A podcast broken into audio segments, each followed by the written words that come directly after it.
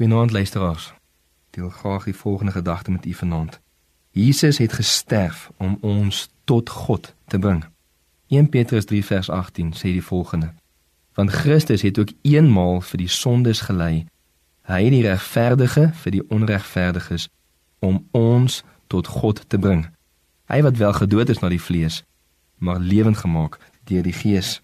Sonde het veroorsaak dat die mens nie in 'n verhouding met God kan staan nie. Hoekom nie? Want God is heilig.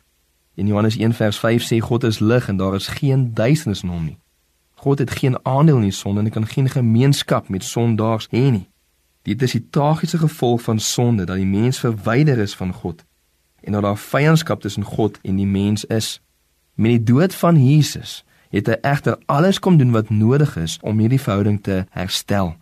Hier is die grootste geskenk van die kruis, naamlik God self. Jesus sterf om ons tot God te bring. Dit is beslot van sake die ewige lewe om God te kan ken volgens Johannes 17 vers 3. Die asemrowende waarheid is dat die wat in Jesus is, het 'n lewende verhouding met God self. God self is die erfenis van elke Christen. Hoekom is dit sulke goeie nuus? Wel, Want Psalm 16 vers 11 sê dat dit is by God self waar daar versadiging van vreugde en vreugde vir ewig is aan sy regterhand.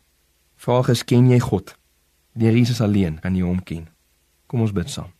Here Jesus, dankie dat U alles kom doen het om ons tot God te bring, om hom te kan ken vir ewig. Amen.